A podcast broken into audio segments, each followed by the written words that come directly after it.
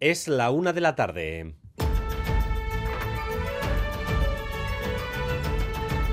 Crónica de Euskadi con Dani Álvarez. A Rachaldeón, el presidente de Petronor ha concretado la advertencia que planteó la semana pasada el CEO de Repsol, Josu Imaz. Las inversiones de la compañía se van a congelar si se mantiene el impuesto a la banca y a las energéticas del gobierno de Pedro Sánchez. Y esa decisión afectaría directamente a Euskadi, directamente y además de una manera importante, porque tocaría directamente algunos de los proyectos clave para nuestro desarrollo, como la planta de combustibles sintéticos o el proyecto de hidrógeno para Musquis. Lo ha dicho Emiliano López Achurra esta mañana en Boulevard. Lo que sí está eh, no consolidado es la inversión de los 100 megavatios que tiene que ver con la planta de hidrógeno asociada directamente a la actividad de la refinería.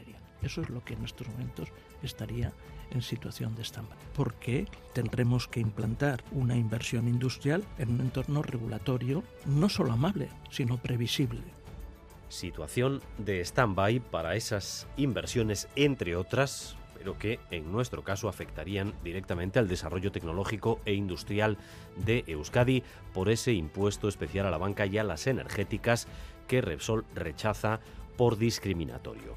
Además, el servicio de cercanías que proporciona Renfe ha empeorado en los últimos cuatro años hasta ser un foco de incidencias constante.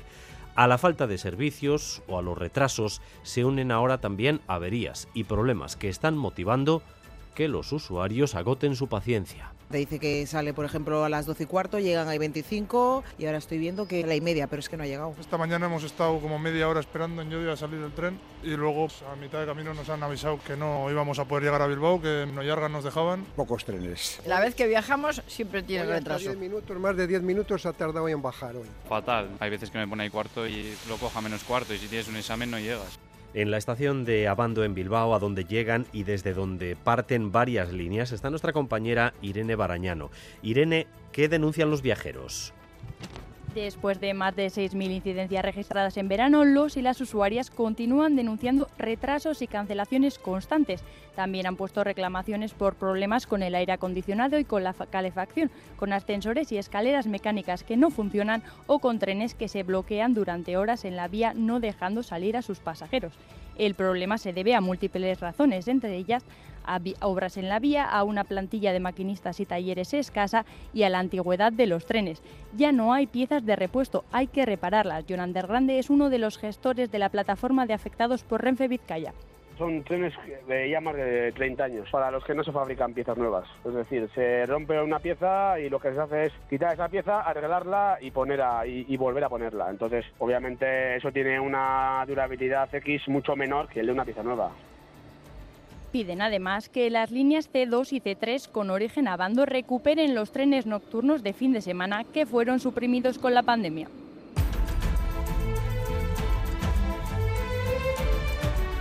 Hoy se ha presentado en el Parlamento el informe de reconocimiento de las víctimas de motivación política. Incluye, como saben, el primer reconocimiento institucional a Joshi Zabala, junto a José Anlasa, las primeras víctimas de los GAL. La comisión recabó sobrecogida el testimonio de la madre, hermanas y hermanos de José Ignacio Josi Zavala, que la comisión no se ha pronunciado hasta la fecha sobre el caso de José Antonio Lasa porque sus familiares no presentaron la solicitud de reconocimiento dentro del plazo establecido en la presente ley. Que los tiempos de los peticionarios pueden madurar más allá de los marcos legales y es por ello que debería producirse una reapertura de plazos en una actitud províctima. Mañana va a haber un acto público de reconocimiento a las más de 60 víctimas reconocidas en este informe. Los miembros de la comisión, por cierto, han reclamado también una ley que les dé cobertura eh, para continuar con su actividad. Y precisamente en cumplimiento de una ley, la de memoria democrática, hoy en Madrid se reconoce a decenas de víctimas de la represión franquista. El acto incluye una mención especial a vascos, catalanes y gallegos perseguidos por el uso de sus idiomas. El bilbaíno Gabriel Aresti es homenajeado hoy por el gobierno de España. Al acto acuden sus hijas y su viuda, Meli. Gabriel tuvo hasta anónimos en el buzón, lo pasamos mal. Dos veces vino la Guardia Civil a, registrar la casa y uno de ellos, me acuerdo que cogió el libro Arrieta R y decía, ETA. Es una anécdota, pero cuando fue a recoger el premio se lo dio Fra Iribarne. Y entonces le dijo, Aresti, pero usted con lo bien que escribe, ¿por qué no escribe usted en castellano? Le leería mucha más gente. Entonces Gabriel le contestó en aquellos años, que no sé cómo nos lo llevaron, dijo, cuando quiero que me lea más gente, escribiré en chino. Pues por poco nos sacan de allí de mala manera y se ha presentado la séptima edición del Encuentro Internacional y Profesional de Ilustración Irúdica, que se celebrará desde el jueves al sábado en Gasteiz. El Artium será, por tanto, la sede de Irúdica, donde habrá mesas redondas, citas profesionales y talleres. En el encuentro, las personas inscritas van a poder mantener un estrecho contacto con profesionales. La directora del certamen es Elizabeth Pérez. El mundo editorial va a estar compuesto de un montón de agentes, no solo venidos desde Japón, Polonia y Nigeria, va a venir gente desde Colombia, desde México, eh, van a venir editoriales que tienen como peculiaridad también tener espacios eh, de galería, eh, tener materiales distintos para la producción de sus libros, imprimiendo en serigrafía, en risografía.